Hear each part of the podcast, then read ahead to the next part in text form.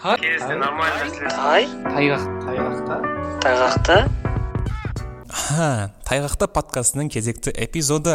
Иә сіздер қате естіген жоқсыздар мен әлі де тірімін. Ерте қуанбаңыздар. Аха ежелгі гректердің сіздер білетін көптеген құдайлары болған. Дегенмен де адам өлсе ол не аитқа тозаққа барады не құдайдың қаны араласқан метис болса геракл сияқты олимпке бару мүмкіндігі бар. Тиісінше олардың өмірлік мақсаттары өте биік әрі ұлық. Ол мәңгілік есте қаларлық атақ пен даңқ болып есептелетін иә грек балаларының өз өздеріне баға беруі әрі өздерін бағалауы өте жоғары деңгейде. Әлбетте енді ойлап көріңізші өзіне деген сенімділігі мол сенімділігі жоғары адам биікке ұмтылады. Бірақ та толықтай олай деуге де болмайтын шығар. Жақында мүсірепов театрында ұмытыңдар мені пьесасы қойылған еді. Сондағы басты кейіпкер герострат. Ол өзінің мықты қоразын басқа біреудің қоразымен төбелестіреді. Екінші бір адам мен раунд аяқталған сайын құдайларға дұға ету үшін қоразымды алып кетейінші деп өтініш білдірген еді ол келісім береді бастапқы раундта қарсыласының парша паршасын шығарып тастаған конор сияқты төбелескен ол қораз ой, ой, келесі раундтарда ұтылып қалып нокаутқа түсіп қалады. Ә, сонда ол мен құдайларға дұға етуді ұмытып кетіппін ғой соның кесірінен ұтылып қалдым деп ойлайды. Ә, сөйтіп жүреді басқа біреу ол әр раунд сайын өзінің қоразын ауыстырып отырған. Дейді. Ә, сосын ол мына өмірде әділдік деген жоқ үкімет қайда қарап отыр деп ашуланып үмітсіздікке түсіп өзін ең жолы болмайтын адам ретінде сипаттаған еді. Ол байып кету мен белгілі бір жетістікке жетемін деген сенімінен айырылып қалды. Кейін тарихта өз атын қалдыру үшін 200 жыл салынған артемида ғибадатханасын бірақ түнде өртеп тастайды. Жеті кереметтің бірі болып саналатын ғибадатхананы салған мың құрылысшының емес. Біз солай оны өртеген бір ғана адам геростраттың атын есімізде сақтап қалдық иә патша мен сот оны лезде жазалау керек десе ғибадатхана қызметкері мен геростратқа ғашық болып қалған патшайым. Иә сіздер қате естіген жоқсыздар? Оны құдайлар жазалауы тиіс дейді. Зевс нажағайы зевс найзағайы 15 күн ішінде түсу керек деп әулие оған аян береді бірақ бір айға жуық уақыт өтіп кетеді ақыр соңында масқара болған патша геростратты қаштыртып жібереді. Атың шықпаса не деуші еді әлгі? Вайнер бол жер өрте демей ма иә? Бірақ мұнда бастысы құдайлардың мына өмірге тікелей әсер етуі мүмкін және тікелей жазалауы мүмкін деген өз қорқынышын герострат жеңді. Неге десең әділетсіздікке толы өмірге құдай тікелей араласса бәлкім сол уақыттағы әр екінші адамға зевстің найзағайы тиюі керек деп ой түйді. Менің қазіргі ойлау жүйем сенімім жүзде жүз дұрыс па деп өз өзіне сұрақ қоюдан қорықпады. Мхм ендігі солардың белгі туысқандарына оралайық. Үш жүз спартандық фильмін білетін шығарсыздар иә? Бұл не дейтіндер жоқ шығар а? Бұл спарта! леонид патша өз еліне қауіп төнгенін естігенде үлкен бір тауға шығып оракулдар яғни дүмше әулиелерге барып олардан аян күтеді. Спартандықтардың әулиелерімен ақылдасып қана шешім қабылдайтынын білген ксеркс оларды паралап тастаған еді. Леонидке оракулдар сен қанша әскермен барсаң да жеңіліп қаласың дейді. Сонда патша ең мықты деген 300 сарбазымен елін қорғауға аттанады. Ол өз әйеліне жеңу үшін мың сарбаз да аз ал ерлікпен қаза табу үшін 300 сарбаздың өзі жеткілікті демей ме?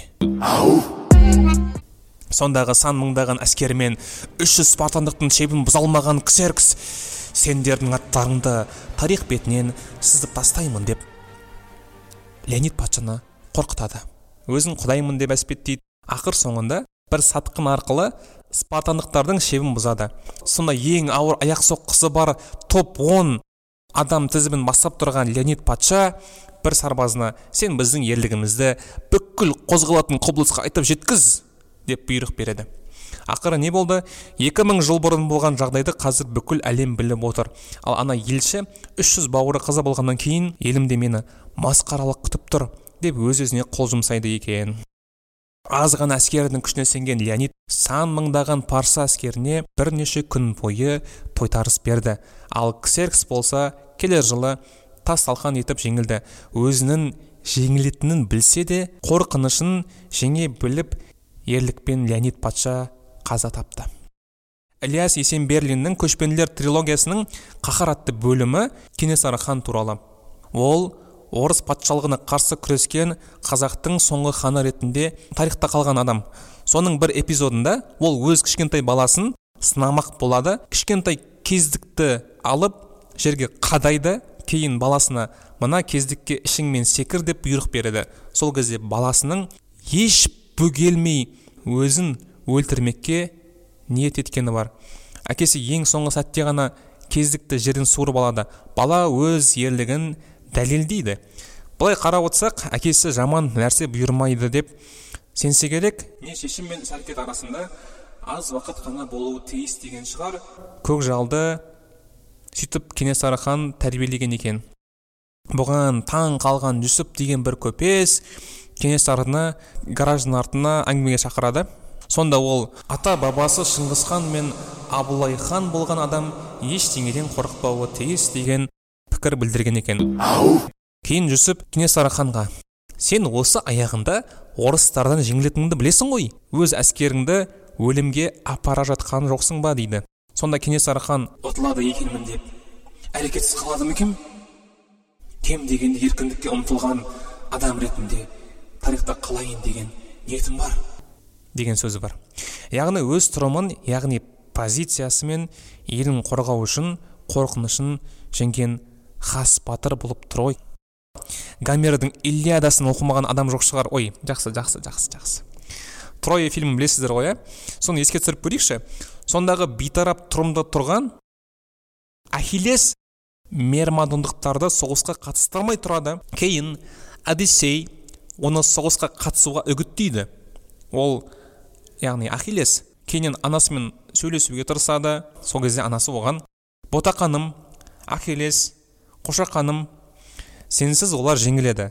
Ал бұл тарихтағы ең ұлы соғыстардың бірі. Бірақ мен сенің өлетініңді білемін демесі бар ма? Сонда ол тыныш әрі бір қалыпты өмір сүрудің орнына. Үлкен әрі ұзақ мерзімді атақ үшін соғысқа аттанды ғой. Аз уақыт ішінде жауға үлкен зарар келтірген ол бір кезде аполлонның ғибадатханасына тиіседі. Ғибадатхана қызметкерлерін өлтіреді. Кейін бресеида деген ғашығын кездестіріп артынан қуып бара жатқан жолда өзінің ең әлсіз жеріне садақтың оғы тиеді.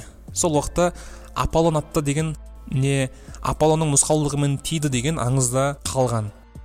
Ахиллес ерлікпен қаза табу үшін әрі ешкімнен қорықпайтынын дәлдеу үшін құдайларға қарсы соғысуға ұмтылған тұлға ихам ә, рэпсіз қайқа барамыз иә оксимиронның вечный жить деген жить жить жить жить жить вечный жить деген альбомын білетін не білмейтін шығарсыздар иә сонда CCTV деген тректе яғни ә, музык әуенде құдайды жердің барлық жеріндегі камераларға қарап отыратын бір бөлмеде отыратын кейіпкер ретінде сипаттайды. Көшедегі қылмыстар мен әділетсіздіктерді телескоптан да қарап отыру мүмкін. Бірақ ешқандай әрекет етпейді. Бақылап отырады. Кейін бейберекет тоқтаған сәтте жарық өшкен кезде сары лентасын қолына тағып бөлмеден шығып кетеді дейді. Ә, негізінен бұл жерде айтып кететін мәселе оксимирон ол еврей. Ал вечный жить дегенді өздеріңіз білетін шығарсыздар иә. Сол ә, альбомда вечный жить деген атпен танылған әуен бар. Сол әуенде детерминизм фрейм десем қиындатып жіберуі мүмкін. Ә, еврейлерге қатысты бір қолдан жасалған аңызды сипатты өтеді. Құдайдың қаһарына ұшыраған деген клише ғой былай айтқанда мұрны дәу мәңгілікке қудаланып қиналып жүруі тиіс өте айлакер әрі өз қамын ойлап қалған адамбыз деп таптаурындармен сөйлейді және өз кедейлігі мен бақытсыздығына өз өзіне күле отыра жағдайын ақтап алады. Жалпы біз пост ирония дегенді орыс ә, рэпіне слава кпсс әкелді деп жүрміз ғой.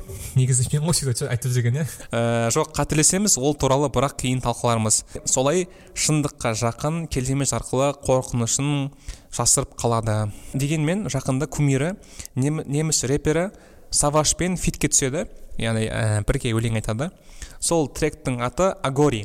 Агори дегеніміз үнді мәдениетінен алатын болсақ қорқынышты жеңу мықтылығыңды мойындау деп аударыладымыз сонымен қатар тректің екінші аты қара күн деп аталады екен. Яғни қара күн алдындағы қорқынышты жеңу.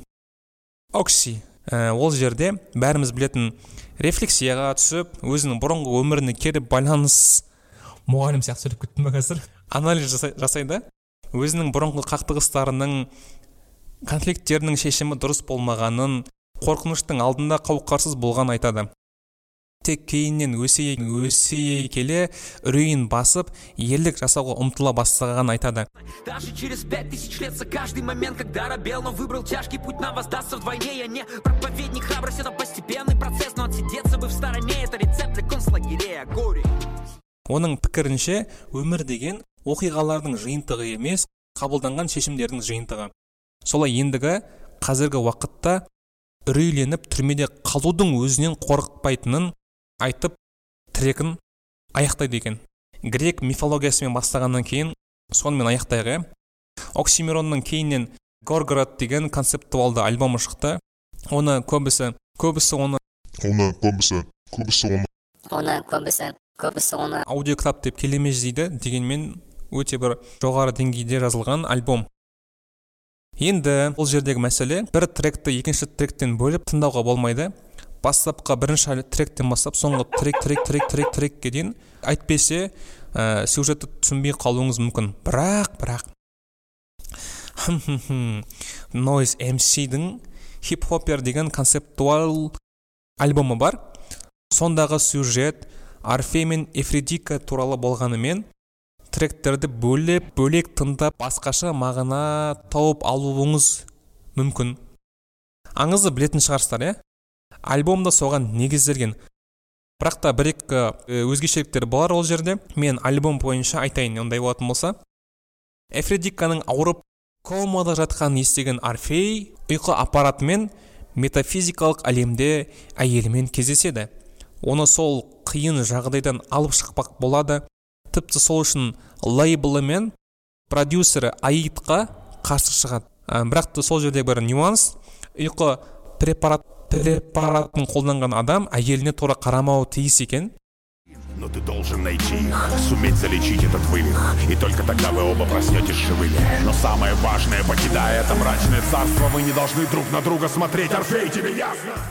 ол әйеліне менімен бірге мына бағыт бойынша жүр. Мен әртіс боламын деп өзімді жоғалтып алдым сені ренжітіп алдым кешір мені мен күнәмді жуып қайталамауға тырысамын тек мына бағыт бойынша жүруіміз керек артымнан ер дейді бір кезде қорыққан ол артына қарап қалады No! God, please, no! No! солай әйелінен айырылып қалады яғни артына қараған кезінде әйелі жоқ болып кетті кейін өзі де сол жерге мәңгілікке қалып қояды. Аңызда ол сәл басқаша дегенмен идея бір өз қорқынышыңды жеңіп тәуекел ете алуың керек деген ой бар сияқты. Әйелі шынымен де артынан еріп келе жатқан еді ғой. Біз талқылаған оқиғалардың барлығында сезімге ерік берме шешім қабылдар алдында рационал суық ақылмен ойлан. Егер сенің қабылдаған шешімің әділетсіздікке жол беретін не өміріңді қиындататын сияқты көрінсе қазіргі позицияңа күмәндануға болады деген ой жатқан сияқты. Ал болмашы бір уақытша сезімнің артынан ерсең көп нәрседен құр қалуың не жоғалтуың мүмкін дегенде ой жатқан сияқты. Сіздермен бірге болған азат келесі эпизодтарда жолыққанша.